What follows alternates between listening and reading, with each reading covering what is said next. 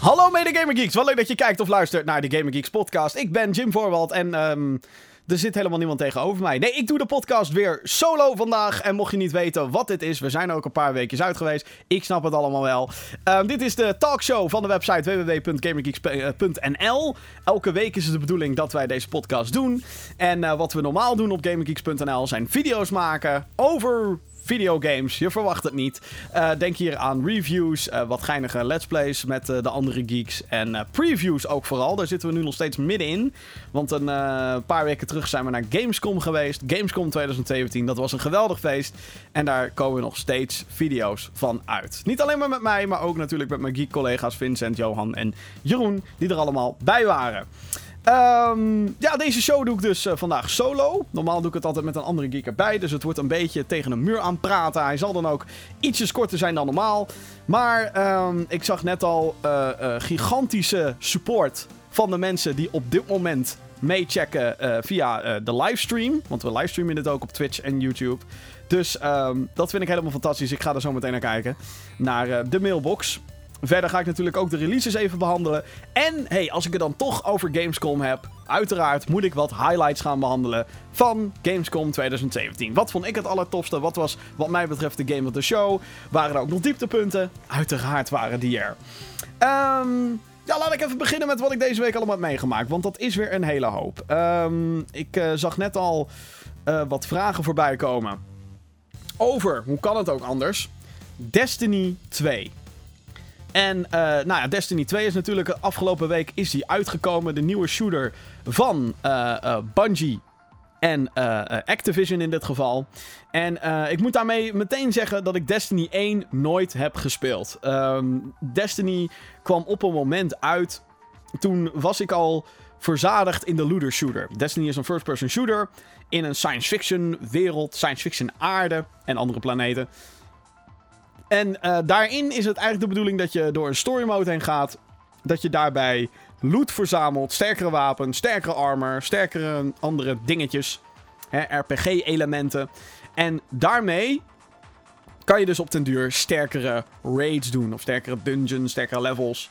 En zo, dat is dus een loop die maar door blijft gaan. Steeds sterker worden, power, unlimited power. Dat is ontzettend tof, maar op het moment dat Destiny 1 uitkwam... Um, was het voor mij sowieso A. Destiny 1 was alleen maar voor consoles. Dus dat was voor mij altijd al een beetje. Nee, weet je, ik speel toch niet op PC. Hoe gek dat dan ook klinkt. En um, op het moment dat Destiny uitkwam, was ik uh, al net klaar met Borderlands, de pre-sequel. Dat is de derde Borderlands game. Ik heb Borderlands 2 daarvoor helemaal kapot gespeeld. Borderlands 1 heb ik best veel gespeeld.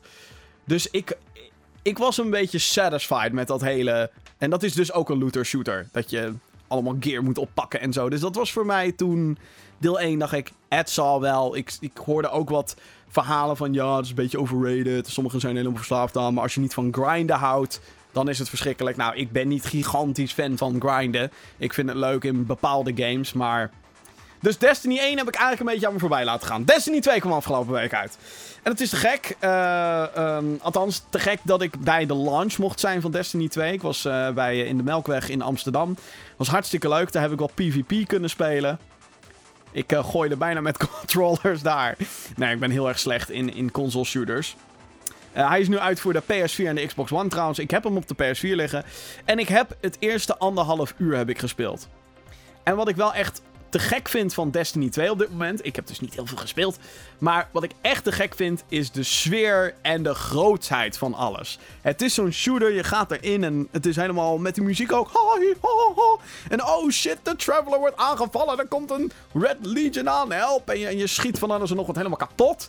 Um, en je wordt op die manier echt geïntroduceerd aan de wereld. Dus voor mij was het ook heel erg chill dat ondanks dat ik Destiny 1 niet had gespeeld, dat ik nog soort van kon volgen wat er allemaal aan de hand was. Je wordt rap um, voorgesteld aan uh, allerlei personages die meteen een best wel goede indruk van zich hebben. Eén guy is echt soort van: Ik ben de good guy, hahaha, ha, ha, ik ben nobel. En dan is er zo'n robot die een beetje grapjes maakt. Um, je, je, je comedy trope, om het maar zo te zeggen. Dus daar, dat, dat vond ik te gek gedaan. Uh, ik vind de sfeer op dit moment heel vet en het schieten werkt op dit moment ook wel heel erg lekker. Ik heb anderhalf uur gespeeld of zo, is nog absoluut niet veel. Ik wil er nog echt diep in gaan duiken. Ehm, maar of ik dat op de PS4-versie ga doen, dat is dus een tweede. Want ik denk dat ik pas echt, echt Destiny ga spelen. Als in er helemaal induiken en avonden doorhalen om te kijken hoe ver ik kan komen. Ik denk dat dat pas gaat gebeuren op de PC-versie die eind oktober uitkomt. Want ik weet dat ik dan een paar andere mensen heb die ook op de PC willen spelen. Op de PC ziet het mooi uit. Op de PC heb je uncapped framerate en dat soort dingen. En ik ben daar toch best wel een zakker voor. Ik heb niet voor niets een fucking GTX 1080, dat is een sterke videokaart, heb ik niet voor niets in mijn PC zitten. Dus de, weet je wel. Maar de PS4-versie, ik heb een normale PS4 trouwens, ziet er best mooi uit voor wat het is. Nogmaals, vooral de schaal en de kleuren van de wereld. Ik vind dat helemaal fantastisch. Dus dat, um, ja, raad ik Destiny 2 aan. Nou, als ik moet uh, oordelen op uh, basis van de eerste anderhalf uur. Maar uh, ja, dan, dan, dan vind ik het wel leuk. Dus dat. En um, een ander ding waar ik mee bezig ben. mensen mag ik eerst trouwens even, even, even soort van klagen. Ik weet het. First world problems ga je zeggen. Maar er zijn te veel goede games. Er zijn er, zijn er te veel. Ik moet fucking Zelda nog uitspelen. Uh, Destiny 2 heb ik nog maar anderhalf uur van gedaan. Ik heb hier fucking Mario plus Rabbids Kingdom Battle voor de Switch liggen. Die heb ik nog niet eens gespeeld. Hoe kan dat dan? Oh my god, het is verschrikkelijk. Um, maar uh, wat ik wel heb zitten spelen, en dat is ook een slechte van mij, en dan heb ik af en toe van die oudere projecten, die ga ik dan weer oppakken. Ik heb Near Automata weer zitten spelen. En ik kan zeggen dat er eindelijk een review van die game aankomt, want ik heb er eindelijk een keer de credits voorbij zien rollen. En um, dat blijf ik toch een interessant spel vinden. Het is zo'n game waarvan je niet, echt niet kan zeggen, yo, dit is hartstikke goed. Maar je kan ook niet tegelijkertijd zeggen, yo, dit is fucking slecht. Het ligt er maar net aan waar je in de game zit. Want er zijn momenten in Near Automata geweest dat ik dacht, gadverdamme, bah. Mocht je niet weten wat het is, het is een hack-and-slash game gemaakt door Platinum. De makers van Bayonetta onder andere. En van uh, Transformers Devastation, die ik te gek vind. En je speelt hierin als een android op een, uh, post-apocalyptisch aarde. die aarde is aangevallen door aliens met een robotleger. En die robots, die machines, die zijn er nog. En jij moet als een android, dus een mensachtige robot ook, moet jij de machines uitzien te schakelen. Uh, en natuurlijk zijn er dan een paar laatste levende mensen die zijn hier. En er zit er een aantal in een satelliet boven die dus die android sturen. En die sfeer van die game, die het af en toe uitademt, die is super bijzonder super vet. Vooral het thema erachter. Want wat Neer Automata, denk ik althans, ons probeert te vertellen is... wat is menselijkheid? En dat, dan ga je heel diep. Dan ga je heel diep. Maar dan zijn er dus momenten dat die fucking game sidequests heeft... en dat je door zo'n best lege wereld aan het struimen bent. Of uh, lopen bent, rennen bent. En denk ik, hè, gadverdamme, mag ik, kan er wat gebeuren, alsjeblieft? Uh, maar ja, de volledige review die krijg je binnenkort van me. Een andere game die ik nog heb gespeeld ook wel de moeite waard om even te benoemen, is een indie game voor de PS4. Genaamd Butcher. En als je Butcher zegt, dan, uh, uh, dan denk je misschien, oh, dat is dat karakter uit Diablo. Deze indie game gaat daar niet over. Uh, het is een game die ontzettend pixelig is. En je zit hier op een soort ruimteschip. En je speelt als gewoon een guy met een shotgun en een assault rifle en allerlei andere wapens die je kan oppakken. En je moet door een level heen gaan en andere gasten kapot knallen. Dat klinkt best wel straightforward. Dat is het natuurlijk ook. Recht toe, recht aan. Maar wat ik ja, weer tof vind aan, aan deze game is hoe keihard het is. En het kan voor sommigen tot het depressieve aan zijn. Um, de manier hoe de mannetjes schreeuwen als je ze neerknalt. Het is echt heel erg gruwelijk. En de game is duister as fuck. Er zit geweld in en dat soort dingen. Ook al zijn het een paar pixels. Maar het is dat type geweld waarvan je kan Waarvan ik het niet gek zou vinden als sommige mensen zouden zeggen: oei. Um, nee, niet voor mij. Ik vind het wel vermakelijk. Alleen moet ik wel in zo'n bui zijn dat ik denk: ja, lekker mensen kapot knallen. Weet je wel, in, in digitale vorm, hè, mensen, niet in het echt. Maar hè, je snapt het wel, in videogame vorm. Als ik zin heb om dan even mijn agressie kwijt te raken, dan uh, dat. Dat is op zich een titeltje die je kan uh, aanraden.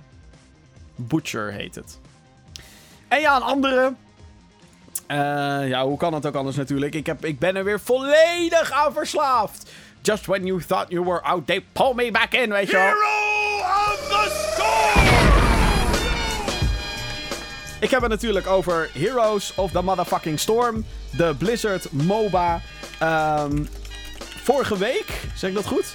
Is um, een nieuw character gelanceerd. Kel'Thuzad. Ik denk dat Blizzard-fans zoiets hebben van... Yeah, Kel'Thuzad, bitch! Hij is een soort death mage. Hij is fucking powerful in de game. Hij kan heel veel characters met een combo instant killen. Als je het goed weet te timen en goed weet te raken. En eigenlijk was dat een beetje de aanleiding dat, dat ik weer met mede-geek Jeroen uh, vet aan de Heroes of the Storm ging. En ik weet niet hoe het komt, maar ik, ik ben er een maandje een beetje tussenuit geweest. Dat soort games heb je ook. Daar ga je dan een maand, je laat het met rust. Misschien wel maanden laat je het met rust. Vervolgens ga je het weer een keer spelen. En is het van, fuck, daar ging mijn weekend. En dat was hier ook het geval. Heroes of the Storm, ik heb het weer helemaal plat zitten spelen. En uh, ik moet toch zeggen, de community rondom die game wordt zuurder en zuurder. Ik misschien ook, omdat ik heel graag wil winnen. Maar die game blijft zo leuk, jongens. Als je Heroes of the Storm nog niet hebt gespeeld, ga het nou een keertje spelen. Het is te gek. Het is een game die teamplay aanmoedigt. Het is een game die um, veel simpeler is dan de andere MOBA's, maar nog wel uh, te behappen is. En ook al is het simpeler dan andere MOBA's, diepte zit er zeker in. En vooral heel veel variatie. Want met de verschillende levels en zo. Ik kan ook echt niet wachten tot BlizzCon. Wanneer er hopelijk een nieuw level wordt geïntroduceerd. Of een nieuwe game mode of iets in die trant. Goed, dan moest ik even kwijt.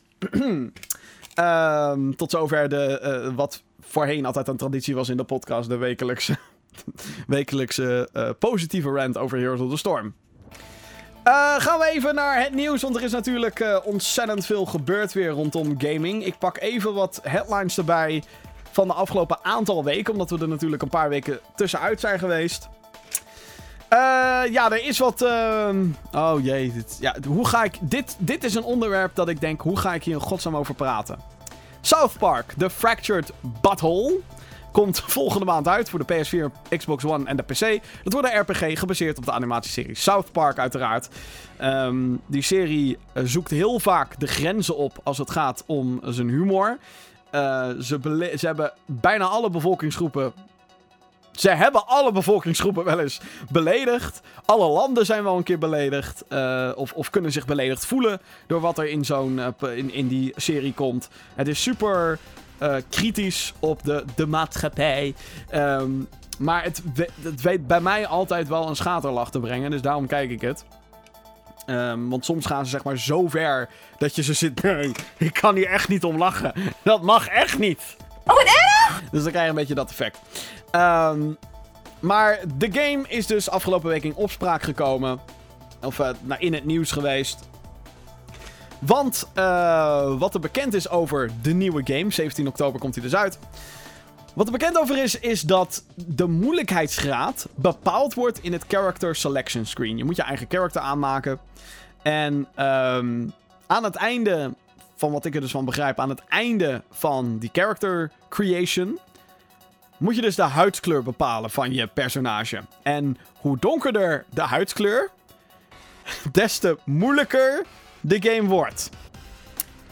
Ja, dat ligt best wel gevoelig. En dat snap ik heel erg goed. Ergens, en misschien ben ik echt een teringleier dat ik dit zeg, ben ik een gigantische klootzak en ben ik een.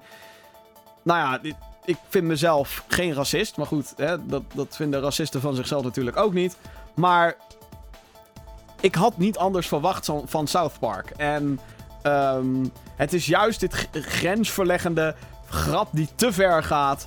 Um, waarom ik de Stick of Truth onder andere ook de eerste game heel leuk vond. Het feit dat er een, een klasse bestaat, de Jew. Uh, en toen hoorde je daar eigenlijk niemand over toen die eerste game uitkwam. Iedereen vond het fucking grappig. Ze, ze, ze zetten alle joden belachelijk. Um, weet je, da daar wordt dan niet over gesproken. Tuurlijk is dit nu een onderwerp die uh, nogal gevoelig ligt en nog dagelijks in het nieuws terugkomt. In die zin heb ik ook wel zoiets van: is het nodig dat de game dit doet? Nee. Ze hadden dit makkelijker uit kunnen halen. En laat mensen die de game op makkelijk willen spelen ook gewoon een donkere huidskleur hebben. Waarom is dat een issue? Kijk, als je erop dat, als ik daarover ga nadenken, dan heb ik ook wel zoiets van, why? Is dit nou echt, weet je al, is dit nou echt de bedoeling om iedereen bekend te beledigen? Want hoe je het ook went of keert, je beledigt iedereen hiermee. En misschien is dat ook wel het geniale erachter. Dat dat juist hun bedoeling was. Dat ze zeggen, nee, we willen iedereen beledigen, bla bla bla. Maar, nogmaals, is het nodig? Probably not. Dus, um, ja, weet je al. Ik vind, ik vind het altijd een, een, een, moeilijk issue om over te praten, want ik heb dan altijd het idee dat je nooit wat goeds kan, erover kan zeggen. Ik heb er nu al genoeg over verteld, dus ik hou mijn bek er verder ook over. Um, en, en wat wel spijtig is, vind ik dan, is dat het een link heeft met ander nieuws. Er is natuurlijk, uh, of nou, natuurlijk, er is een YouTuber, PewDiePie, die kennen we allemaal wel. Grootste YouTuber van de wereld. 57 miljoen abonnees heeft hij. En die heeft in een stream uh, het N-woord gebruikt. En nu zijn er videogameontwikkelaars die zeggen: Weet je, we willen gewoon nooit meer dat onze game op wat voor manier dan ook met jou geassocieerd wordt. En dat snap ik dan weer wel. En dat snap ik dan weer veel beter. En misschien vind ik dat dan gek. Als hij dat dan gaat roepen, waarom zou je dat doen ten eerste? Um, ik, ik vind het ra ra rare dingen die er gebeuren in deze gaming-industrie. Rare dingen. Dus laten we het even over iets positievers hebben. Zoals Blizzard Entertainment. Hero of the Storm! Yeah! Ja. Okay. Uh, dat bedoelde ik niet helemaal, maar...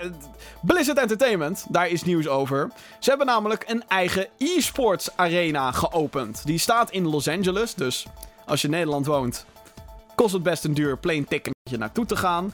Um, dat, was, dat schijnt een of andere sportarena te zijn. Uh, of überhaupt een, een venue waar eerst ook de Tonight Show werd opgenomen, zoiets las ik. Dus een talkshow. Um, 7 oktober wordt daar de eerste wedstrijd gespeeld. Uh, e-sports wedstrijd, dus alleen maar Blizzard Games. Want hey, het is een Blizzard venue nu officieel. Um, en als je denkt, oh, daar kunnen vast duizenden mensen in die de grootste e-sports wedstrijden ever kunnen gaan kijken. Dat valt wel mee. Er is slechts ruimte voor 450 toeschouwers. Dat vond ik wel weer opvallend. Um, volgens mij is dit ook de eerste keer dat een gamebedrijf, in dit geval dus Blizzard Entertainment, zijn eigen arena opkoopt. Misschien dat Valve voor die International er eentje heeft, het Dota 2 wereldkampioenschap.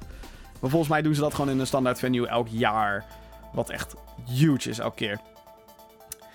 L.A. Noir, die uh, krijgt een re-release, is deze week aangekondigd. Op 17 november komt de game naar de PlayStation 4, Xbox One, de PC en de Nintendo Switch. En um, op de HTC Vive, op de computer dus, komen er ook wat VR-missies beschikbaar. Dus het is een re-release die weer zo'n beetje is van... Hey, deze game ligt er nog. Wilt iemand nog spelen? Hier, alsjeblieft, koop maar. Biatch. L.A. Noir is een game van Rockstar, inderdaad. De, het bedrijf achter Grand Theft Auto. En Red Dead Redemption 2, die volgend jaar moet uitkomen. En het is een game waar je als een detective speelt. En dat was toen het uitkwam, 2011, geloof ik. Ik moet dat even, even googlen wanneer het uitkwam. Maar wat daar toen in ieder geval heel erg nieuw aan was, is dat het een soort van facial technology had. Dus gezichten waren super realistisch geanimeerd, waardoor je dus kon, kon zien of iemand liegt of niet. En zo kan je dan als detective bijvoorbeeld zeggen van... Oké, je, je zegt nu dat je ergens was op die avond. De avond van de moord. Maar ik zie die rare twinkeling in je ogen. Ik zie dat je van me wegkijkt. Waarom kijk je hem niet gewoon in mijn ogen aan als je de waarheid vertelt? Weet je, een beetje, beetje dat idee. Uh, 2011 was het inderdaad. Dus zes jaar later uh, krijgen we hem eindelijk voor de PS4, Xbox One, uh, de PC ook weer. En voor de Nintendo Switch. En ik denk dat vooral het feit dat hij dan op de Nintendo Switch komt, dat, dat, dat, dat vind ik wel tof. Op de PS4, ik weet natuurlijk, ik, ik heb de trailer wel gezien, maar ik zag niet per se wat ze nou allemaal verbeterd hadden verder. Zijn de graphics echt super mooi geworden? Nee, niet echt. Volgens mij is het gewoon een remaster. Hm. Dus ja, is het inmiddels dan al niet te laat? Dat heb ik altijd een beetje. Als er nu nog remasters uitkomen, vind ik wel dat je een verdomd goede reden moet hebben. Um, om, hem, uh, om hem dan nog een keer uit te brengen, laat ik zo zeggen. Uh, ja, dat waren de grootste headlines. Althans, als je het aan mij vraagt, uh, dan was er natuurlijk nog meer wat er gebeurde. Zoals Sonic Forces heeft een release datum, dames en heren. 7 november komt de game uit. PC, PS4, Xbox One, Nintendo Switch, als ik het goed heb. Ehm, ik heb de game op Gamescom gespeeld. Ik vond hem niet goed. Persoonlijk. Ik heb daar mijn redenen voor. Ik vind 3D Sonic vind ik vaak, lees vaak, niet altijd, shit. Ik vind dat de besturing kut is. Ik snap de structuur van de game vaak niet. Ik heb eh, zeker die Sonic Adventure 2 en dat soort dingen. Proberen 80.000 dingen te doen zonder er eentje goed te doen. En ik heb dan liever dat je dan een Sonic Mania hebt, die gewoon de 2D gameplay pakt en dat uitbreidt en fucking goed in elkaar zet. Variatie erin brengt, bla bla bla heb ik liever dat je dat gewoon doet. ehm, dan dat je dan 80.000 ideeën doet. En dat is een beetje het probleem met Sonic Forces. Het probeert custom characters, probeert 3D gameplay, probeert 2D gameplay. En geen eentje van die drie, vier dingen zijn goed uitgewerkt. Althans, niet wat ik heb gespeeld op Gamescom. Ik vond het echt verschrikkelijk. Het zag er ook niet goed uit. Momentum klopte niet. Nou, check mijn eh, Gamescom video over Sonic Forces. Want ehm, daar leg ik hopelijk alles goed uit. 7 november komt hij dus uit. Ehm, wil ik hem absoluut niet spelen? Ik ben natuurlijk wel benieuwd hoe het eindproduct gaat worden. Ehm, misschien is zo'n gameplay demo van 20, 30 minuten is dan niet goed. Eh, dat heb je met sommige games, dat ze super slecht demoen, maar dan als je hem eenmaal in zijn volledigheid kan spelen op de bank, dat het dan wel werkt. Ehm, maar nogmaals, van wat ik heb gespeeld, mm, ik vond hem niet goed. Mario, oh, Super Mario, is geen loodgieter meer. Dat werd afgelopen week be- bekend. Eh, op de website van Nintendo Japan eh, was er een nieuw profieltje aangemaakt. Hebben ze allemaal van die character profiles. En daar stond onder andere bij dat Mario een oud loodgieter is die tegenwoordig heel erg sportief is. Want hey, hij doet aan golfen, hij doet aan eh, voetballen, hij doet aan basketballen, hij doet aan karten, kartracen. Eh mis ik er dan nog eentje? Tennis. Baseball heeft hij nog gedaan op de Gamecube. Lang, lang geleden. Eh, volleybal. Nou ja, alle sporten die er ook maar kunnen, dat doet Mario. Hij redt natuurlijk de prinses 80.000 keer op allerlei manieren. Maar een loodgieter is hij dus niet meer. En dat is best wel raar, want wat is Mario? Wat in. Ja, een loodgieter. What the fuck? Eh? Niet dat we hem echt loodgieterswerk ooit hebben zien doen. We hebben natuurlijk nooit hem met zijn ontstopper bij een wc zien. Dit ziet er heel raar uit als ik zo met mijn hand op en neer ga. Maar we hebben hem nooit een drol uit een wc zien vissen. Of, of, of eh, weet ik veel, een wc zien fixen. Nou ja, je snapt me wel. Of een kraan zien fixen. Nee, eh, het dichtste bij wat we kwamen is dat hij levels had in het riool. Nou, jongens. Dus eh, ja, maar ik vind het wel opvallend dat Nintendo die keuze maakt dat ze zeggen... Nee, hij is geen loodgieter meer. Fuck traditie. Opvallend. Hij gaat vooruit, jongens. Op een Koreaanse rating site is eh, Okami HD gespot. Okami is een game waarin je speelt als een... eh, ik geloof dat het een god is. Die de vorm aanneemt van een witte wolf. En wat uniek aan die game was toen hij voor het eerst uitkwam... was volgens mij... Nee, hij kwam eerst uit voor de PS2. Hij kwam in ieder geval... Het origineel kwam uit voor de PS2. En daarna voor de Wii. En volgens mij... Of andersom hoor. Dit kan ik fout hebben. Maar ik weet wel dat je op de Wii... Moest je dan met dat ding wijzen. En moest je een soort van... eh, met zo'n grote kwast kwam dan in beeld. En daar moest je een soort van teken mee tekenen. En dan deed je een bepaalde aanval. En volgens mij moest je dat dan op de PlayStation doen met de analoge sticks. Wat volgens mij ook prima kan werken. Ehm, volgens mij is er ooit nog een re-release geweest voor de PS3, geloof ik. Eh, die heette ook al Okami HD. Maar ehm, er schijnt dus nog een nieuwe re-release te komen voor de PlayStation 4, Xbox One en de PC. Vind ik heel erg tof, want dat is een van die games. Ziet er super mooi uit. Zou ik echt nog wel een keer willen spelen. Heb ik gewoon al tien, meer dan 10 jaar aan me voorbij laten gaan. Eh, Zo'n re-release zou dan voor mij een kans zijn om hem weer te spelen. Wat ik me dan wel afvraag. Fuck, waarom breng je hem niet naar de Switch? Want hey, die game is van origine uitgekomen op PS2. Zou makkelijk op de Switch kunnen draaien met een goede framerate. Dan eh, nog meer controverse. Dit is al iets ouder nieuws, maar ik wil het er toch even over hebben. Controverse rondom Shadow of War. Middle-earth Shadow of War. De, het vervolg op Middle-earth Shadow of Mordor. Hack-and-slash game in het Lord of the Rings universum. Die heb ik ook op Gamescom gespeeld. Check daarvoor ook mijn impressies in, eh, eh, ja, in de Gamescom video. Ehm, ik vond de game best goed, moet ik zeggen. Eh, ik heb wel mijn twijfels. En die kan ik allemaal bespreken in de video. Eh, ik heb het in de video ook over de lootboxes. En allemaal microtransaction bullshit die in de game zit. Eén ding heb ik niet behandeld, omdat dat toen nog niet bekend was. Er komt een stuk DLC eh, ook uit op release van de game. En dat is een, een stuk DLC met nogal. Ja, nogal beladen reden. Er is namelijk een ontwikkelaar, iemand die bij de studio Monolith werkt, die is overleden aan kanker. Uh, dus natuurlijk is niks anders over te zeggen dan dat dat fucking kut is. Dat je een dierbare kan verliezen aan uh, een verschrikkelijke ziekte zoals dat. Uh, en toch wou de ontwikkelaar, die, die, die, die wil hem eren. En dat snap ik. En dat is mooi. Dus via dat stuk DLC zit hij in de game. Als een ork die op willekeurige momenten opduikt om jouw character Talion te redden op een moment dat je bijna dood wordt geslagen. Dan komt hij ineens en dan slaat hij andere orks neer, onthoofd in één keer. Yeah, bitch, ik bescherm je. Een beschermengel, basically. Super mooi idee. Uh, die ork is dus ook een beetje gemodeld naar die guy. Uh, en uh, de, de opbrengst van de DLC, althans dat zou je denken, die kost 5 euro. En die zou dan gaan naar een, een, een, een goed doel uh, voor, voor kankerbestrijding en dat soort dingen. Althans, de, de, de, wat, wat ze in Amerika hebben, althans. Dat is bekendgemaakt. Wat er dus alleen niet duidelijk vermeld wordt, is dat A. niet het volledige bedrag naar, uh, uh, naar het goede doel gaat. dus dat is al van. En tuurlijk, er moet geld komen voor, hè, voor het distribueren, voor de rechten en dat soort teringzooi allemaal.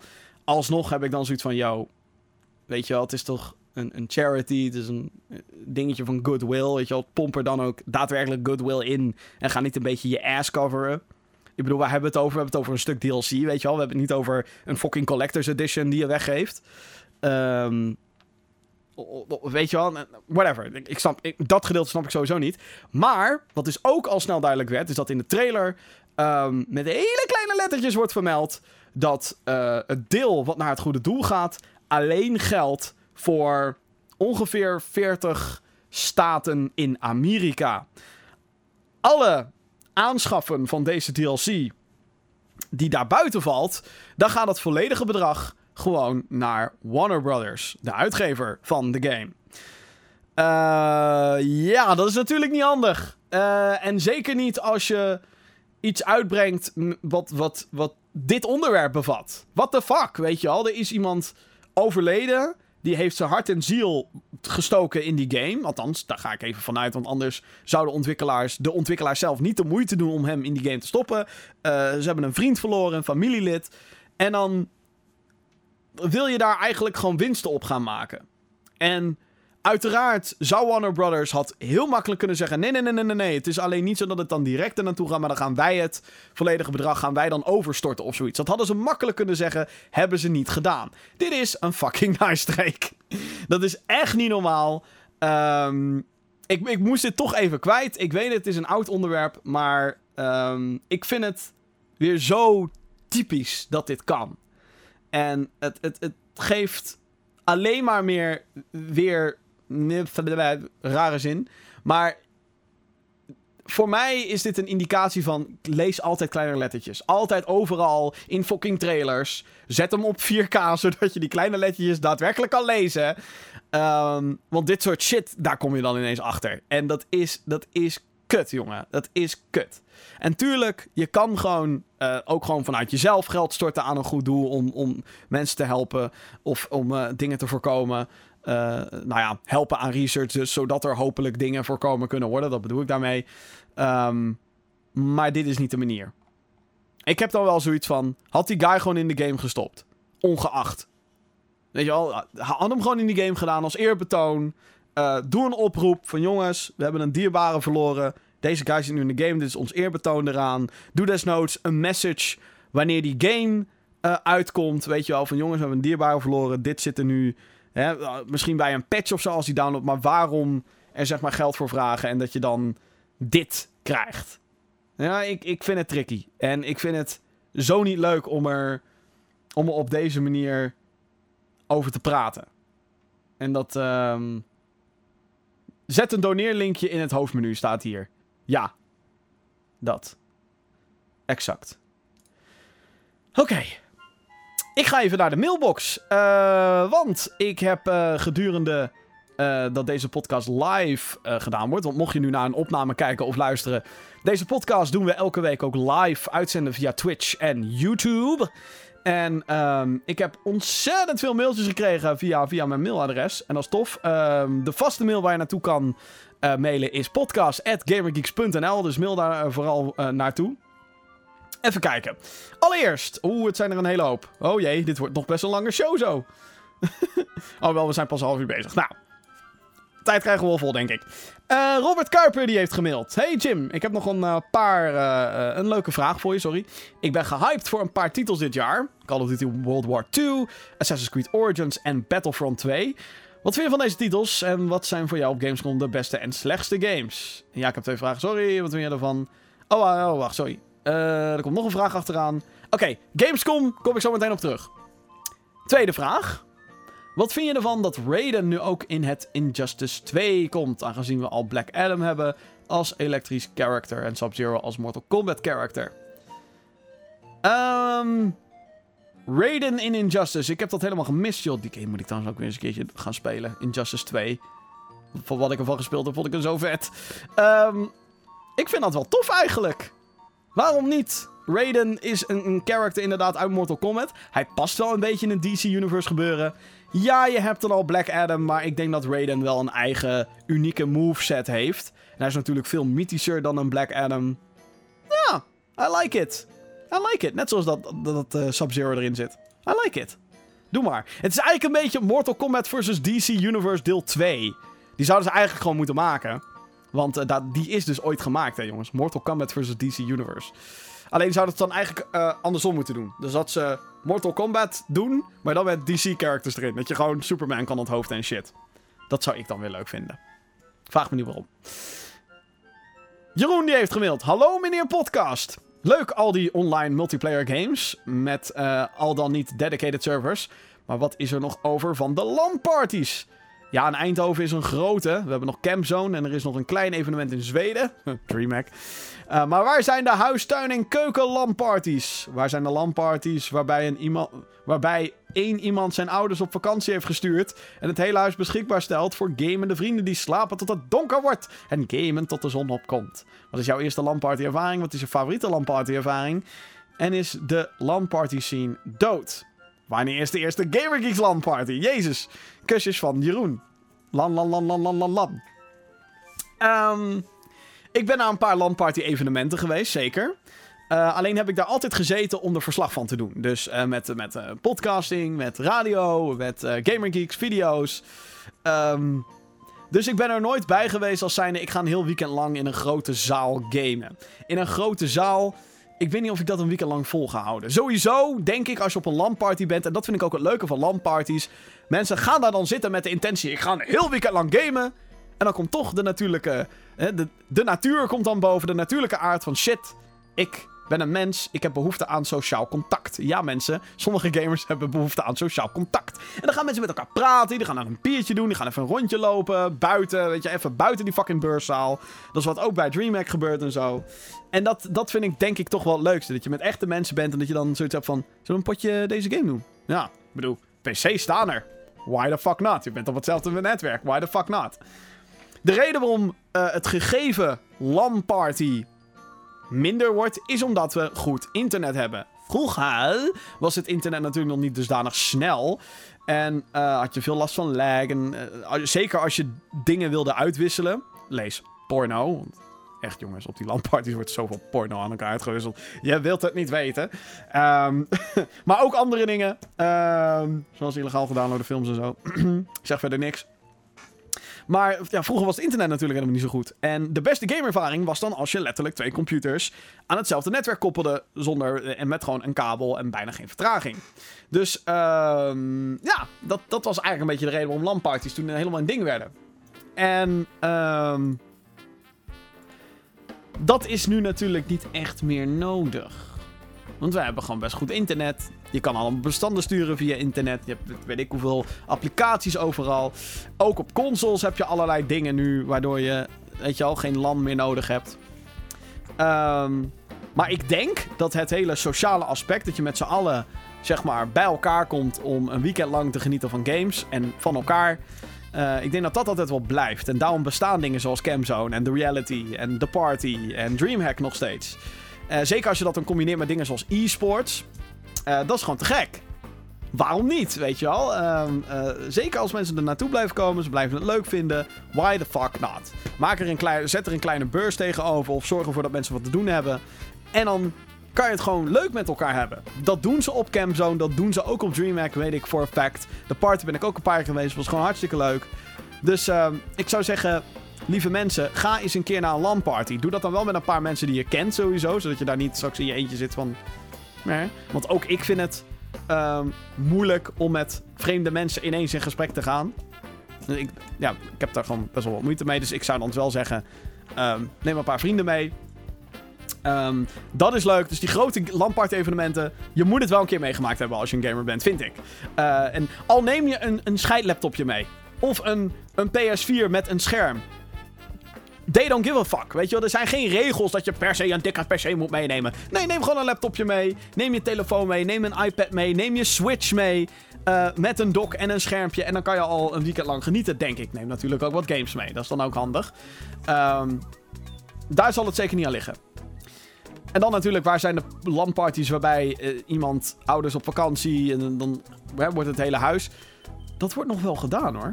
Natuurlijk veel minder dan eh, denk ik. Ik bedoel, ik heb het nooit zo vaak gedaan eigenlijk. Ik weet wel dat ik eh, een keertje, ehm, een paar keer vroeg haal, ook bij eh, Gamer Geek Jeroen, weet ik nog heel goed dat zijn hele zolderkamer vol gepropt stond met PC's van, eh, van, van mij, van, van Vincent, van, van Jeroen dan natuurlijk. En van nog een paar andere vrienden. En dat we daar dan echt helemaal opgekropt zaten. Yeah, Counter-Strike Source, biatch! Toen. En eh, dingen zoals eh, War Rock en andere slechte games die we toen speelden. Of Diablo 2. Ook altijd leuk, maar dat ging dan gewoon via Battle.net. Dat ging dan niet letterlijk via LAN. Ehm, dus dat, ik heb dat wel een paar keer gedaan. En ook Vincent eh, had eh, volgens mij anderhalf jaar geleden nog Star... Ja, kom, we gaan met z'n allen Star Wars Battlefront spelen. Dan speel je ook gewoon op de EA-servers, maar dan wel bij elkaar in één ruimte. Ik was daar zelf niet bij, maar eh, de andere geeks wel. En die zaten daar dan allemaal bij elkaar met de PC's en Star Wars Battlefront te spelen. Ehm, dus ehm, ja, dat, dat, dat vond ik... Dat, dat vond en vind ik nog steeds leuk. De reden waarom dat natuurlijk veel minder is... Is omdat nogmaals, we hebben internet. En we hebben consoles. We hebben dingen zoals een Steam Link. Dus het is gewoon, up, sluit aan op je, op je, op je PC. Als je echt PC-games game, als je echt PC-games met elkaar wil spelen, kan dat makkelijk via internet. Je kan met elkaar kletsen via Discord. Eh, je hebt in-game voice chats. Je hebt goede internetverbindingen. Dus het is allemaal niet meer nodig om bij elkaar te komen. En hè, laten we ook gewoon eerlijk zijn. Een mens is soms gewoon lekker lui. Hè, gewoon lekker, hoppakee. Ik zit hier ook achter mijn pc'tje een beetje te, kletsen tegen jou. Mm. Met een biertje in mijn handen. Waarom niet? Ehm, en, en ik denk dat mensen dat tegenwoordig veel eerder doen met gewoon een console op de bank. Kom jongens, we gaan een potje Smash doen, we gaan een potje Nidhogg doen, we gaan een potje Tekken doen, whatever. Ehm, dat kan natuurlijk nog steeds wel met PC's. En als je dat idee een keer hebt van jongens, we hebben een week vrij of we hebben een weekend. Laat gewoon een weekendje bij elkaar gaan zitten en gaan gamen. Zeker als je nog eh, bij je ouders woont en die zijn een weekendje weg. Inderdaad, ga dan gewoon lekker lannen. Het is gewoon gezellig. Gewoon gezellig met vrienden. Kijk in de avond een film. Doe leuke dingen met elkaar. En eh, sowieso, doe leuke dingen met elkaar. En als daaronder valt samen gamen, why the fuck not? Dus ehm de LAN-party zien dood? Nee. Mijn favoriete LAN-party ervaring? Oei. Eh... Oei. Dat vind ik heel lastig om uh, uit te kiezen. Maar ik denk dat vroeger, toen ik dus met, met, met Jeroen en met nog een paar anderen op zijn zolderkamertje zat, dat had toch wel iets classics hoor. Ook heel leuk. Ik kreeg een mailtje ook van Rafik. Eh, hoe lang is de lifespan van de 3DS nog? En welke games wil je er nog op zien? Ja, de 3DS heeft niet heel erg lang meer. Ik zit nou gewoon te zoeken, waar de fuck is mijn 3DS? Oh, wacht, hier. Haha, hier is mijn 3DS, dames en heren. Mijn OG 3DS. Ehm, nou, je zou natuurlijk denken, hey, de Nintendo Switch is er.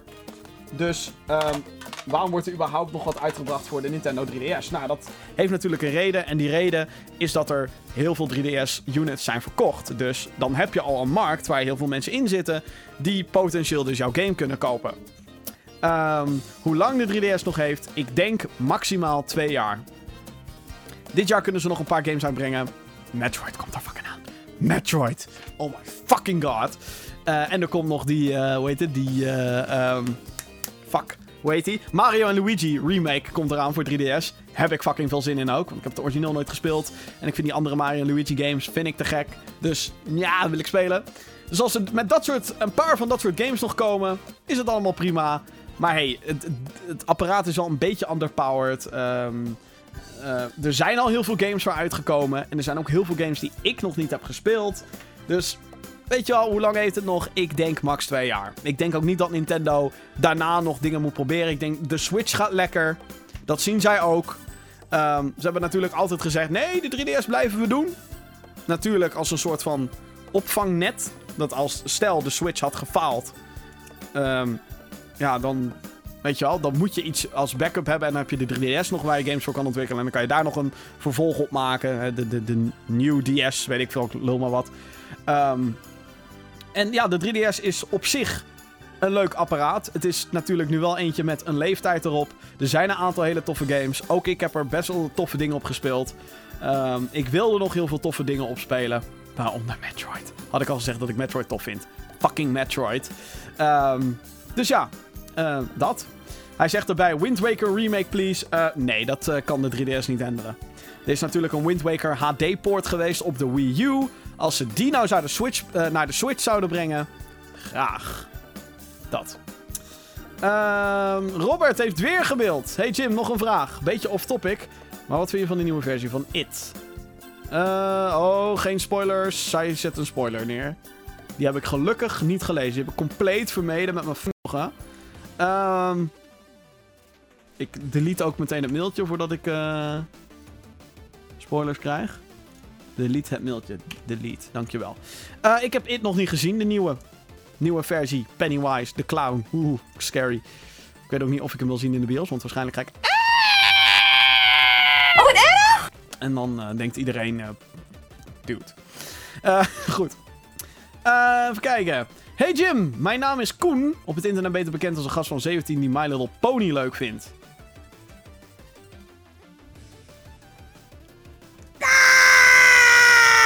Niet alsof je iets aan die info hebt, maar ik dacht, laat ik het er gewoon maar bij zetten voor de grap. Ja, ja, voor de grap. Rustig. Ik heb een aantal Gamescom gameplays gezien van Cuphead. En ik heb heel veel zin om de game zelf uiteindelijk, als die uit is, te gaan spelen. Nou ben ik benieuwd, heb je de game al gespeeld en zo? Ja, wat vind je er zelf van? Groetjes van Koen. Ik heb hem deze Gamescom niet gespeeld, Cuphead. Eh, wanneer komt de game uit eigenlijk? Het, het is natuurlijk al september. Nog niet deze week geloof ik, hè? Eind, eind september geloof ik. Is hij al uit? Heb ik het? Eh, 29 september komt hij uit. Voor de Xbox One en Windows 10. Ehm... Ik heb hem vorig jaar wel gespeeld op Gamescom. En mm, wat ik daarvan had meegekregen... En ik haat het om de hater te zijn. Maar toen ik het vorig jaar speelde had ik zoiets van... Oh. Oh, dit is toch niet zo leuk als dat ik had gehoopt. Het is iets met de manier hoe losjes de game omgaat met zijn gameplay. Dus nou, whatever. We, pleuren gewoon wat enemies naar je toe. Ehm, hier pleuren we een paar enemies, enemies neer. Hier pleuren we een paar enemies neer. Hier pleuren we een paar enemies meer. Eh, en dat is het. Ehm, ja, als ik dan denk, eh, gadverdamme, waarom moet dat? Weet je wel, waarom is dat nodig? En eh, eh, het voelde gewoon net niet dat ik denk, ja, weet je wel, het is heel lastig te omschrijven. Maar ik kan, kan mijn vinger er niet op leggen, maar ik vond de run-and-gun gameplay, zoals ze dat dan zelf noemen, vond ik niet heel sterk. Maar, nogmaals, dat was vorig jaar. We zijn inmiddels een jaar verder, de game is bijna uit. En ik denk wel dat dit zo'n game is die je met z'n tweeën moet spelen. Dat je gewoon lekker met z'n tweeën... Oh, wat doe je? Eh, chaos, want het schijnt best moeilijk te zijn. De artstyle is natuurlijk helemaal fantastisch. De jaren 30 Disney ziet er geweldig uit. Dat je denkt, oh shit, dat gewoon, what the fuck. Eh, dus dat, eh, dat vond ik heel tof. Even kijken. Eh Persijn. Die heeft gemaild, aparte naam trouwens. Wat vind je van games als Wii Fit en dat soort sportgames? Eh, jeetje, Wii Fit, hoe lang is dat geleden? Ehm, ik heb Wii Fit trouwens. Ik heb zo'n balanceboard. En ik zweet me altijd de leplazers als ik er een half uurtje aan ga. Dus op dat, op, op dat front werkte het wel, denk ik. Ehm, ja, mensen moeten het zelf weten. Kijk, ik heb, ik heb inmiddels gewoon een, een, een abonnement voor de sportschool. Eh, want je kan best wel wat dingen thuis bereiken natuurlijk. Met zo'n motion camera die dan detecteert of je het wel of niet goed doet. Of zo'n balance board. Maar ja, uiteindelijk gewicht heffen moet je wel met een echt gewicht doen, denk ik. En eh, je kan heel erg een beetje op je plek gaan bewegen. Maar op een loopband kan je pas echt gaan lopen en rennen. Of gewoon buiten. Like, weet je wel. Eh, dus ja, nee, als het mensen motiveert om te sporten en, en, en ze zien daar plezier in, waarom niet? Eh, ik vond Wii Fit een beetje saai. Eh, want ik ga er even vanuit dat je het dan hebt over fitness games. En natuurlijk is dat inmiddels een beetje dood allemaal. Want we hebben bijna geen motion control shit meer. Sterker nog, elk jaar wordt nog Just Dance uitgebracht. En als ik dan hoor, hoe de fuck moet je Just Dance nu op de PlayStation spelen? Of op de Xbox? Hoe, hoe werkt dat? Ik weet dat de PlayStation heeft motion in zijn controllers, maar moet je dan gaan dansen met een fucking. Ja, dus geen PlayStation controller, weet ik. Maar moet je dan zo gaan dansen met een controller in je handen? Of gaat dat met je telefoon? Wat dan ook weer zo'n rare emulatie is van het dansen, wat dan niet echt werkt. Weet je wel? Dat ik denk, ja. Nee, dus dat. Eh, even kijken. Hallo Jim, zegt Mike. Eh Destiny 2 is uit voor de PS4 en Xbox One, dat klopt. Maar nog niet voor de PC, inderdaad. Eind oktober komt hij. Ik wil het halen op de PC, maar vrienden zeggen dat het een rugspel is. Ga jij het halen?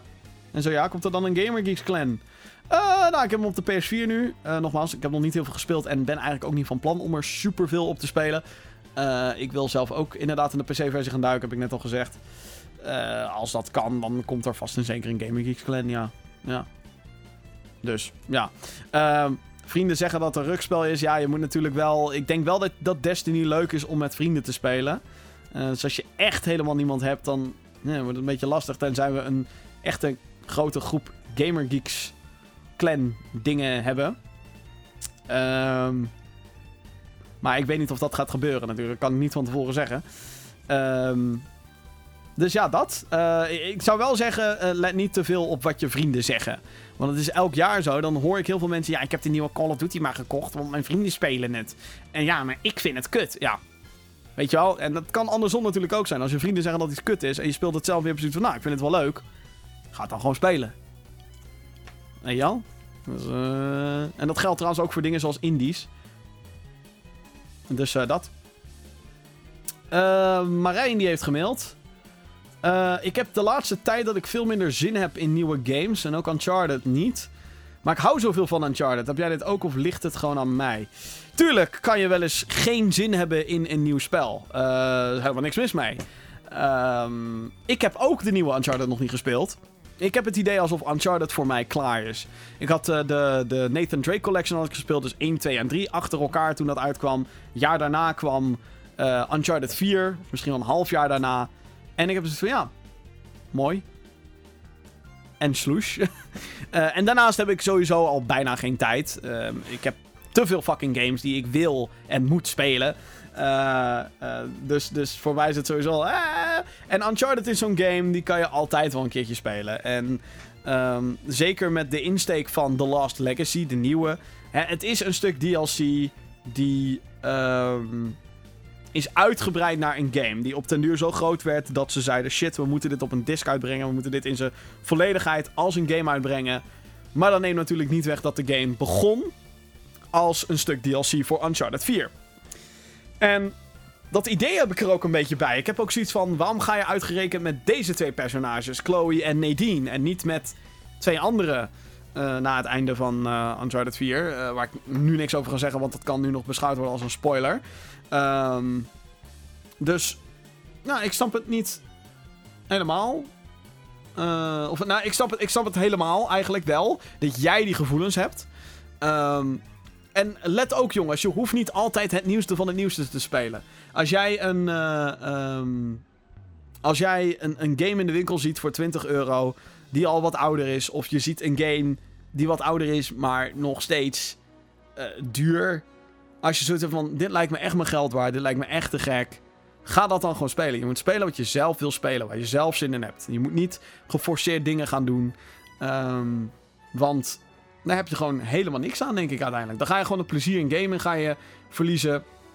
En ehm, daar heeft niemand wat aan. Weet je wel? Je moet gewoon lekker lekker genieten van games. En gewoon de games halen die jij wilt. En als je dan geen zin hebt in bepaalde games, ook al heb je de andere kapot gespeeld en vond je ze helemaal fantastisch. Dat betekent dat je even een break nodig hebt van een franchise. Ik heb ook gewoon even een break nodig van Uncharted. Ik hoef het nou niet te spelen. Ik speel het misschien ooit wel een keer. En als ik hem in zijn volledigheid mis, dan is dat jammer. Maar ja, dan, dan, ben ik er klaar mee. En daar is helemaal niks mis mee. Goed. Tot zover de mail. Als jij ook nog uh, vragen hebt voor de volgende show. Ik zou zeggen, laat het me vooral even weten via podcast.gamergeeks.nl.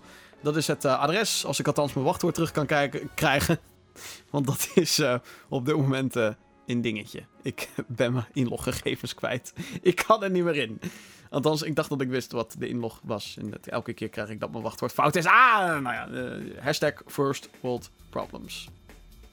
Dus, um, ja, dan wil ik het toch even hebben met je over Gamescom 2017. Uh, deze podcast, de vorige podcast die ik deed, die uh, ging over wat verwachten wij van Gamescom? Wat willen we op Gamescom allemaal zien? En nu is Gamescom natuurlijk al voorbij. En mocht je het gemist hebben, op gamergeeks.nl staan allerlei video's over uh, games die we gespeeld hebben, waar wij onze mening dan wel indruk over geven. De items die nu online staan, ik zal ze gewoon even opnoemen. En, um, nou weet je wat ik doe? Ik, ik noem ze op en ik uh, zal heel kort even aangeven wat ik ervan vind. En dan eindig ik met de aantal games waarvan ik denk, fuck yes, dat is geweldig. Dat moet je absoluut een keer spelen. Ik zal ook even de titel in de podcast even goed zetten. Zo. Oké. Uh, Gamescom 2017. Sowieso grootste gamebeurs van uh, Europa. Misschien wel van de wereld. Dit jaar waren er... Wat is het? 4... Nee, 350.000... Nee. 420.000 man waren er dit jaar. Nee, dat lieg ik. Ik ben in de war met een ander evenement. Meer dan 300.000 in ieder geval. Waren fucking veel mensen. Uh, uh, heel veel games waren er. Ontzettend veel. We hebben zoveel mogelijk gespeeld. Natuurlijk krijg ik niet de mogelijkheid om alles te spelen op zo'n beurs. Dus, uh, nou, Cuphead heb ik bijvoorbeeld niet kunnen spelen. Ik heb Assassin's Creed niet kunnen spelen daar. Ik heb Far Cry niet kunnen spelen. Detroit Become Human heb ik niet kunnen spelen. Skyrim VR heb ik niet kunnen spelen. Er zijn heel veel dingen waar je gewoon geen tijd voor hebt. Er is zoveel daar dat je gewoon nooit kan verwachten dat je alles speelt. En daarnaast moet ik natuurlijk ook nog video's maken. En dat soort dingen. Dat neemt ook allemaal tijd in beslag. En er zijn natuurlijk ook gewoon dingen. Uh, we gaan even kletsen met mensen en zo. Het is natuurlijk ook een beetje een sociaal dingetje dat Gamescom. Maar uh, uh, ik vind dat. Ik, ik ben best tevreden over deze editie. En um, wat ik allemaal heb gespeeld, mogen spelen. Dus um, ik ga even een lijstje af met wat ik heb gespeeld. Of althans, de indrukken. Um, laat ik beginnen met... Wat is een leuke?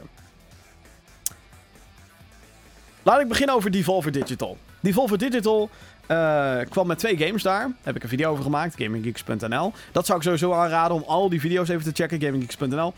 Uh, Devolver kwam met twee games. Absolver, die is inmiddels uit. Die ben ik ook nog steeds gaan spelen. Chat, chat, chat, chat, chat. Help, FL Games. Uh, en Ruiner. En ik wil nog een keer benadrukken, dames en heren. Ga fucking Ruiner spelen. Als die uitkomt. Eind deze maand komt hij uit voor de PC en PlayStation 4. Het is een uh, twin-stick shooter. Hij is super gruwelijk. Is gebaseerd uh, op anime zoals Akira en Ghost in the Shell. Ziet er fantastisch uit. Echt waar. Dat wordt een toppertje voor mij dan. Want ik, ik zat op tijd te spelen. Ik dacht, yeah! Het voelde lekker. Het voelde satisfying. Ik hak mensen verrot. Ik schiet mensen verrot. En je voelt je awesome. En dat is zo'n feeling die een game zoals dat jou wil geven. En dat lukt in dit geval. Dus dat, dat is een aanradertje. Uh, nou, Shadow of War heb ik daar gespeeld. Metroid Samus Returns heb ik daar gespeeld. Op de 3DS. Ah, mijn Metroid hartje is daardoor sneller gaan kloppen, dames en heren. Fantastisch. Uh, Skyrim voor de Switch heb ik daar al kort even gespeeld. Indrukwekkend. Skyrim voor onderweg. Als je het op de televisie gaat spelen, denk je... Nou, dit heb ik uh, vijf jaar geleden al gezien. Of wat zeg ik, zes jaar, zeven jaar geleden al gezien. Meh, whatever. Maar als je het gewoon in je handen neemt op dat tablet dingetje van die Switch... dan is dat wel echt te gek. Dus als je uh, uh, iemand bent die veel met de trein reist... of veel op vakantie gaat... of je moet een game hebben voor een vakantie... Skyrim op de Switch is dan zeker een aanrader, denk ik. Ik vond FIFA, gek genoeg, vond ik heel leuk. FIFA voor de PlayStation 4 en de Nintendo Switch. Ik weet niet voor welke versie ik ga. Natuurlijk is de PlayStation 4 versie beter dan de Switch versie. Er zit gewoon meer modi in, betere graphics, bla bla bla bla. Maar misschien dat juist voor een noob zoals ik, want ik ben. Weet ik hoe slecht in FIFA. Ik ben heel erg slecht. Ehm, misschien dat dat dan juist wel het platform is waar ik FIFA dan op wil spelen. Niet dat het per se veel simpeler gemaakt is. Maar je merkt gewoon een soort casual, casual gevoel heb je erbij. Ja, dus FIFA. Op de Nintendo. Dus leuk. En op de PS4 vond ik het ook tof. Ehm, en dat is van iemand die bijna nooit voetbalgames speelt. Ehm, het is voor mij zijn heel veel dingen te ingewikkeld. Dat ik denk, hoe de fuck moet je dan goed passen? Hè? Wat, hoe werkt dat? Uh, en, en, en ga je nu ineens heel raar, dan zit ik op een of andere knop te drukken waarvan ik niet weet wat het doet. Dus daar moet ik nog uh, heel erg in gaan oefenen als ik uh, echt serieus FIFA wil gaan spelen. Maar um, ja, van, van wat ik heb gespeeld, ja, ik vond het heel leuk. Uh, v heb ik gezien. Moet je maar gewoon de preview checken. Niet for Speed Payback vond ik best leuk. Uh, ook een preview van online. Um, Shadow of War dus. Had ik het al eerder over. Check die preview. Deep Rock Galactic vond ik leuk. Call of Duty World War 2. Uh, ja, het is Call of Duty in de Tweede Wereldoorlog jasje. En dat is het. Sonic Forces. Ik heb het ook al eerder over gehad. Ik vond het niet heel goed. Uh, check, uh, check die video daarvoor, natuurlijk. Uh, een grote verrassing voor mij. Een paar grote verrassingen. Um, dat zijn allereerst Strange Brigade. Ik vind het een rotnaam om uit te spreken. De Strange Brigade is een naam, of een naam, een game van de makers van... de studio heet Rebellion en het, is, het zijn de makers van Sniper Elite en Nazi Zombie Trilogy. Uh, dus die Nazi-zombie games, dat zijn gewoon ja, zombie games met sniper rifles in de Tweede Wereldoorlog. De Strange Brig Brigade, daar ga ik al. Uh, de Strange Brigade is een, een game waarin je als een, uh, als een serie in de jaren 30 speelt. Een, een serial. Zo'n oude, alright, here we go. The Adventures of Indiana Jones, bij wijze van. Daar waar Indiana Jones op door geïnspireerd is geraakt, of waar Indiana Jones op gebaseerd is dat is wat de Strange Brigade is. Dus je, je gaat een soort Egyptische tombe ga je in met drie andere maten. Het is een co-op shooter. Er komen allemaal mummies en dat soort wezens. En die moet je allemaal kapot schieten. En wat ik daar tof aan vond, is dat er dus een aantal traps zijn in, in zo'n level die je kan gebruiken. Dus dan zie je zo'n dingetje van shoot me. Dan schiet je erop en dan komt er zo'n ding uit de grond met van die van die uh, ja, messen, zwaarden en die draaien dan in het rond. En van, oh, die zombie, uh, mummies, sorry, mummies, mummies gaan naar de kloten. En dat vond ik wel leuk. Apart sfeertje. Zag er heel goed uit. Ik heb het zelf niet gespeeld. Jeroen wel. Jeroen was er best positief over. Ik stond, er, uh, ik stond erbij en ik keek ernaar letterlijk. En uh, dat vond ik een leuke verrassing. Um, Dragon Ball Fighter Z. Daar komt nog een video van. Door Johan. Johan is helemaal gek. Dat is echt zijn game of the show. Dragon Ball Fighter Z. Ik heb hem gespeeld. Het is een 1 tegen 1 fighting game. Waarin je dan af en toe kan wisselen met een character. Weet je wel, zo'n tech team uh, game. Er is ook een 3v3 mode, geloof ik. Dus dat je zes personages hebt die tegelijkertijd tegen elkaar gaan knokken. Hoe de fuck wordt dat? Ik denk ook niet dat dat leuk wordt. De game is wel echt gemaakt, merkte ik, voor 1 tegen 1. En ik dacht in, tijdens de PS3-generatie al, vorige generatie dus. We hebben de max bereikt als het gaat om Dragon Ball Z qua graphics. Het is klaar, weet je wel. Mooier dan dit kan je het niet maken. Nope, het kan wel mooier. Het is fucking gruwelijk hoe deze game eruit ziet. Het is echt alsof je een, een gehigh-reste versie van de anime aan het kijken bent. Fucking vet. En de manier hoe deze uh, game de gimmicks van Dragon Ball Z gebruikt. Bijvoorbeeld het, het snel kunnen teleporteren, het schieten naar elkaar, de super attacks, het opladen. Nou, dat werkt zo ontzettend fijn in dit spel. Het is echt de game die al die dingen pakt dat op een vette manier uitvoert. Maar wel ook wel op een manier dat je er niet super pro in hoeft te zijn om het door te hebben. Want ik stond daar met, met Johan op die stand stonden we te spelen. Hij had al een paar potjes gedaan, dus hij wist al hoe bepaalde dingen werkten. Ik had geen idee. Ik was eerste potje was ik een beetje aan het rammen van, hé, hoe doet dit? En dan zat hij een beetje van, nou, je moet even deze combinatie van toetsen doen. En dan doe je dus zo'n teleport aanval. En doe je dit, dan doe je zo'n dash. En zo uh, laad je op. Oké, oké, oké, oké. Dan zit je dat een beetje uit te vogelen. En de tweede match was het al van... Oh, oké, oké, oké. Dit werkt zo. En dan merk je hoe Dragon Ball Z-achtig de game daadwerkelijk is. Het is niet een Tekken of een Street Fighter in een Dragon Ball Z-jasje. Het heeft wel heel veel elementen van die games... Maar het voegt juist die dingen toe die het heel erg Dragon Ball maken. Op een hele vette en game-achtige manier. Eh, eh, het, het, het wordt wel een clusterfuck op den duur. Want er zijn gewoon momenten dat beide spelers naar elkaar aan het dashen en teleporteren zijn. Dan komt er een Kamehameha aan. Wat fuck that? En dan komt er een tweede speler in van het andere team. En die doet dan een tag team aanval of je wisselt. En het is van, oh wat, wat gebeurt hier? Super attack en ah. Dus die chaos krijg je wel op den duur. Dus ik denk zeker dat op, op, op pro-niveau, als dat ooit gespeeld gaat worden... Ja, want het is een fighting game. Maar ik denk dat dan... Dat je denkt, oké, wacht even. Wat gebeurt hier? Dan moet je het bijna in slow motion gaan afspelen. Wil je het kunnen volgen, denk ik. Ehm, maar het is wel heel... Heel lekker om te spelen. Dus dat, dat, die moest ik even meegeven.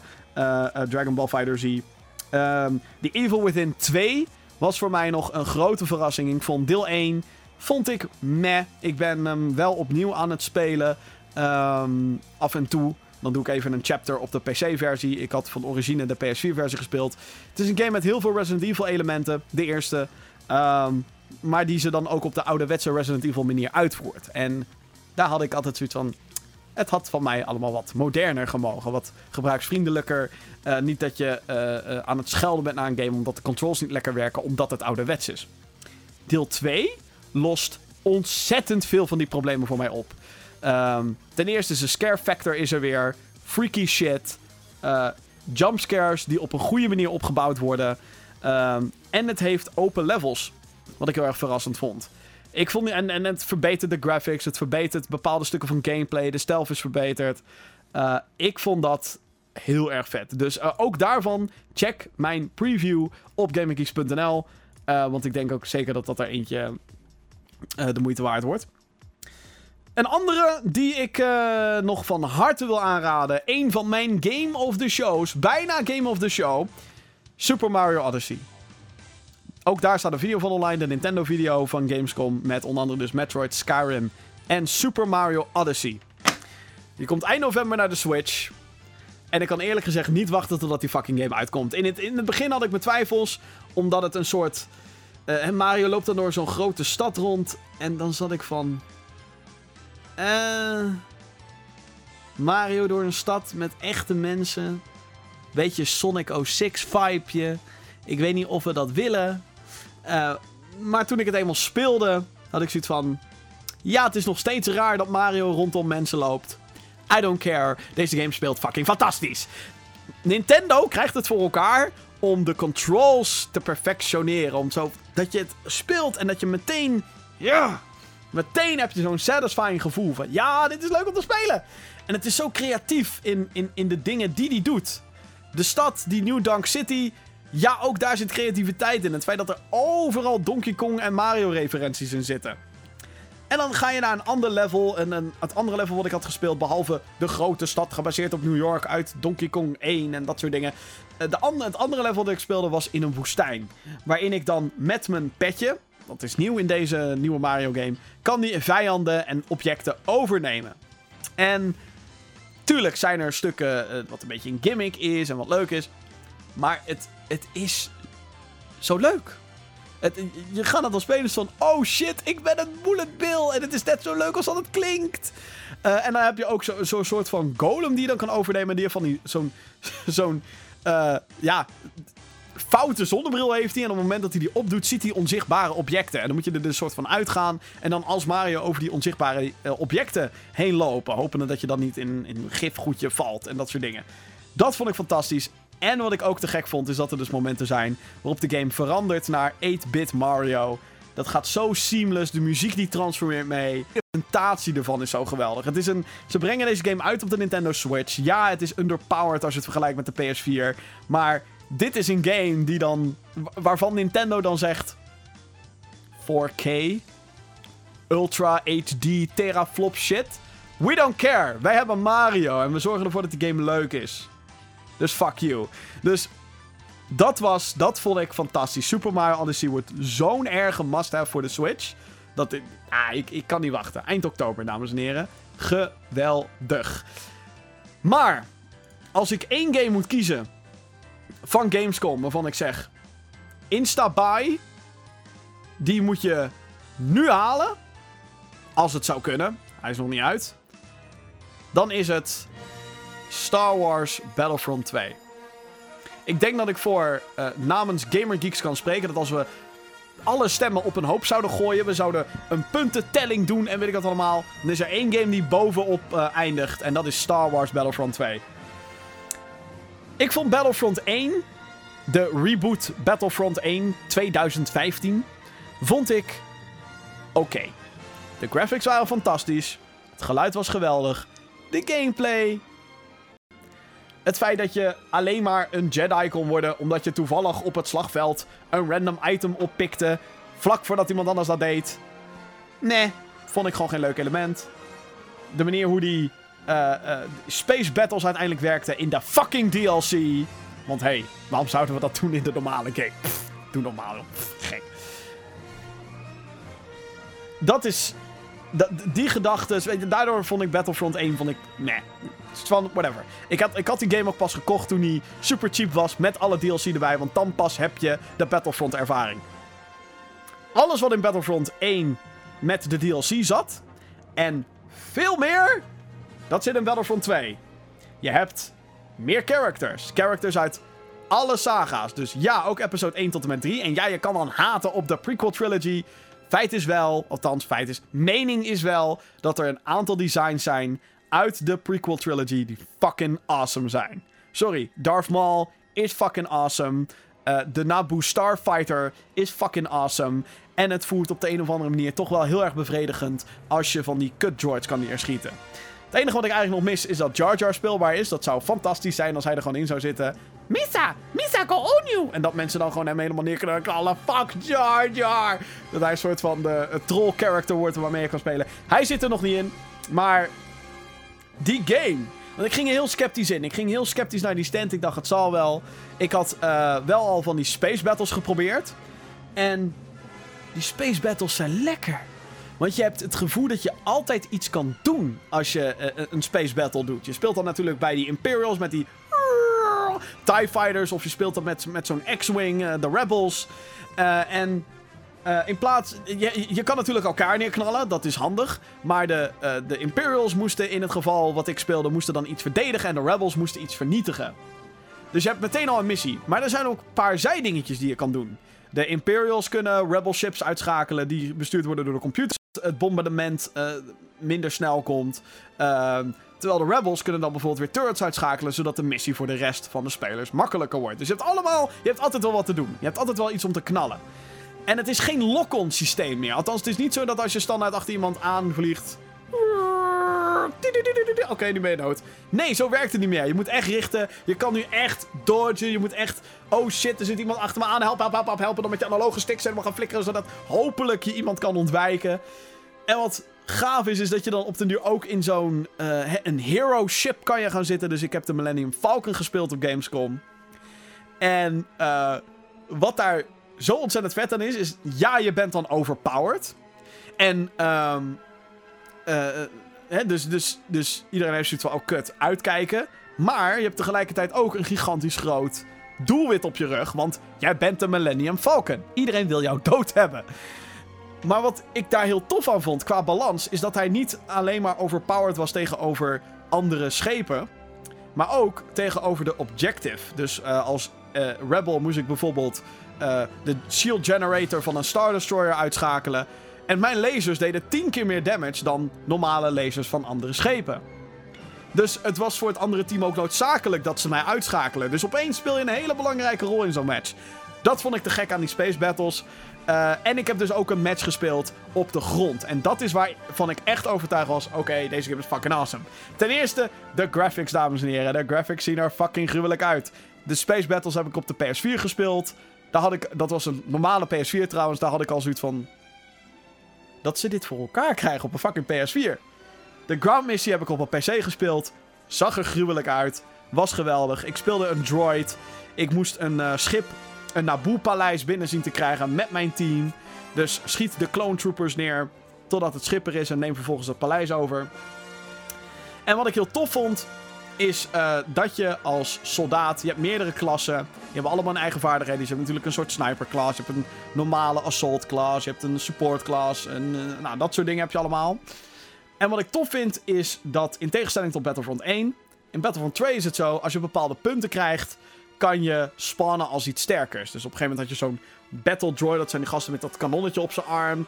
En dus ook die hero characters. Als je genoeg punten binnenhaalt en er is niemand anders die op dat moment dat character speelt, dan kan je dus spannen als een hero. Dus ik spanne op de nieuwe Darth Maul. Ik had zoiets van, fuck yeah bitches, jullie zijn allemaal fucked. Maar op een gegeven moment word je dan dusdanig neergeknald dat je doodgaat. Um, en ik vond, dat, ik, ik vond het zo satisfying. Het speelde ontzettend lekker. Het was heerlijk. En het is lastig om te omschrijven, maar ik had gewoon het idee: oh shit, ik speel Star Wars. Ik, ik zit in een, in een slagveld van Star Wars.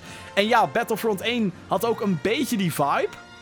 Maar dan heb je al meteen die gekke power-ups en dat, dat, dat, hele, die gekke spawnplekken ook in Battlefront 1. Ik vond het helemaal niks. En dan ga je dit spelen, het is van, oh my god, het is mooier. En, het, en het, het speelt ook veel lekkerder. De controls zijn strakker. Ik kon bijna een traantje wegpinken, zo mooi vond ik het daar, terwijl ik daar stond. En zo dat van, ja, they fucking did it. They did it. Het is, het is heel goed. Battlefront 2, het verbetert gewoon alles. En, en, en er komt geen fucking Season Pass. Komt gewoon, al die shit komt erin. Nou, en, en, dan heb ik, en heb ik nog niet eens de singleplayer gespeeld. Moet je nagaan, waar ik me ook, ook op verheug. En ook al is die singleplayer maar drie uur. Als het drie goede uren zijn, I don't give a fuck.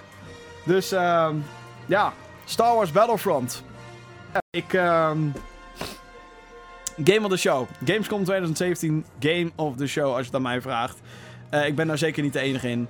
Dat vond ik echt helemaal fantastisch. Nogmaals, alle Gamescom items die zijn uh, te vinden op GamingGeeks.nl. Eh, er komen er nog een aantal aan. Onder andere over Total War Arena. Onder andere over Dragon Ball Fighter Z. Onder andere over iets fucking vets. VR Tech heet het. Dat moet je echt in de gaten gaan houden. Dat is echt fantastisch. Dus dat uh, in de gaten houden. GamingGeeks.nl voor nog meer content vanaf die plek. Star Wars Battlefront 2 wordt fucking awesome. 17 november komt hij uit voor de PC, PlayStation 4 en de Xbox One. Ik weet waar ik hem op ga spelen. Op de PC. Oh my god. Oké. Even calm down. Even ru rustig. rustig. ik ga even met je kijken naar de release-lijst van deze week. Want zo langzaam zeker denk ik dat deze podcast wel genoeg gevuld is. uh, maar er komen nog wat games uit deze werkweek. Uh, allereerst op 12 september voor de Nintendo Switch Rayman Legends Definitive Edition. Dat is een re-release van de Rayman Legends. Uh, zitten wat nieuwe modi bij, geloof ik. Ziet er leuk uit op de Switch. Ik ben wel benieuwd even. Ik ga even snel checken hoe duur die is.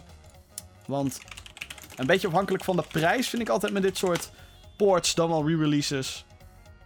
Rayman, de waarom kan ik het niet vinden in deze gekke winkel? En als ik gewoon zoek op Rayman. 40 euro kost die. Uh, hmm, hmm, hmm, hmm. Vind ik toch een lastige. Als ik heel eerlijk ben. Ik, uh, ik zou, ik, als die 30 was geweest, had ik gezegd. Ja, dat is wel, dat is wel een goeie. Maar. Ja, voor, voor, voor 40. Twijfelgeval. Twijfelgeval. Goed. Um, dan komt uit op 14 september Pro Evolution Soccer 2018 voor de PC, PlayStation 4 en de Xbox One. Voetbalgame natuurlijk, de directe concurrent van FIFA. En hij komt ook uit voor de Xbox 360 en de PlayStation 3. What the fuck? Nu nog een release voor de Xbox 360. Die console is 13 jaar oud. Nee, dat lieg ik. 12 jaar oud. Maakt niet uit. Vind ik opvallend. Ook op 14 september. Divinity Original Sin 2. Een, uh, een RPG die je co-op kan spelen. PC, PS4, Xbox One. Ik heb ontzettend veel toffe verhalen gehoord over uh, de Original Sin. Divinity Original Sin 1. Um, uh, onder andere van een vriend van me. Die was helemaal aan het vertellen, ja, en we gingen kijken of we langs een hekje konden komen door gewoon iemand eroverheen te gooien. En dat kon gewoon. En toen was die guy van, oh, wat de fuck doe jij hier? En toen waren we in de problemen, onze reputatie was naar de kloten. Dat soort, dat soort dingen zitten dus kennelijk in die game. Eh, dat zal ongetwijfeld dan ook in de tweede zitten. Lijkt me best vet. Eh, dan op 15 september, en de enige reden waarom ik dit vermeld is omdat anders Gamer Geek Johan eh, mijn ass komt kicken. Er komt een Wombo Combo pakketje uit. Eh, voor de PC, Xbox One en de PS4. Dat is het Playdead Adventure Pack. Playdead is een ontwikkelaar die Limbo en Inside heeft gemaakt. Dus die twee games worden gebundeld. Krijgen een eh, fysieke re-release op die manier. 35 euro voor beide games. Vind ik ook een beetje aan de dure kant, als ik heel eerlijk ben. Als die v- 30 was, had ik gezegd... "Nou, dat is wel de moeite waard. Nou, dat is wel goed. Maar 35... eh. Een beetje Steam sale checken hier. En dan kan je zo ook... PlayStation Store, stiltje. Xbox Store, stiltje, saleetje. En dan kan je dat ook wel vinden. Dus hm, 35 euro. Nee. Dan ook op 15 september. eh, Dishonored. Death to the Outsider. Dat is een standalone... ehm, ja, nieuw deel in, in de Dishonored franchise, als het ware. Een kleiner deel. Je moet het een beetje vergelijken met Uncharted Lost Legacy of eh, Wolfenstein The Old Blood. Ehm, ik heb niet heel veel met de Dishonored franchise, moet ik heel eerlijk, heel eerlijk zeggen. Ik wil nog wel een keer... Ik heb deel 1 nog op mijn PC staan. Die wil ik nog een keertje echt gaan spelen. Weet je wel, echt gewoon door die game heen. Dan weer een keertje deel 2 doen. En dan kijken of ik ooit nog wel aan deze kom. Ehm, ik vond ehm, de eerste keer... Wat, was er nou gebeurd met Dishonored? Ja, Dis dat weet ik nog wel. Dishonored 1 ging ik spelen. En dat vond ik toen hartstikke tof en hartstikke vet. En toen kwam er wat tussen. En het is van, ah ja, dat speel ik nog wel.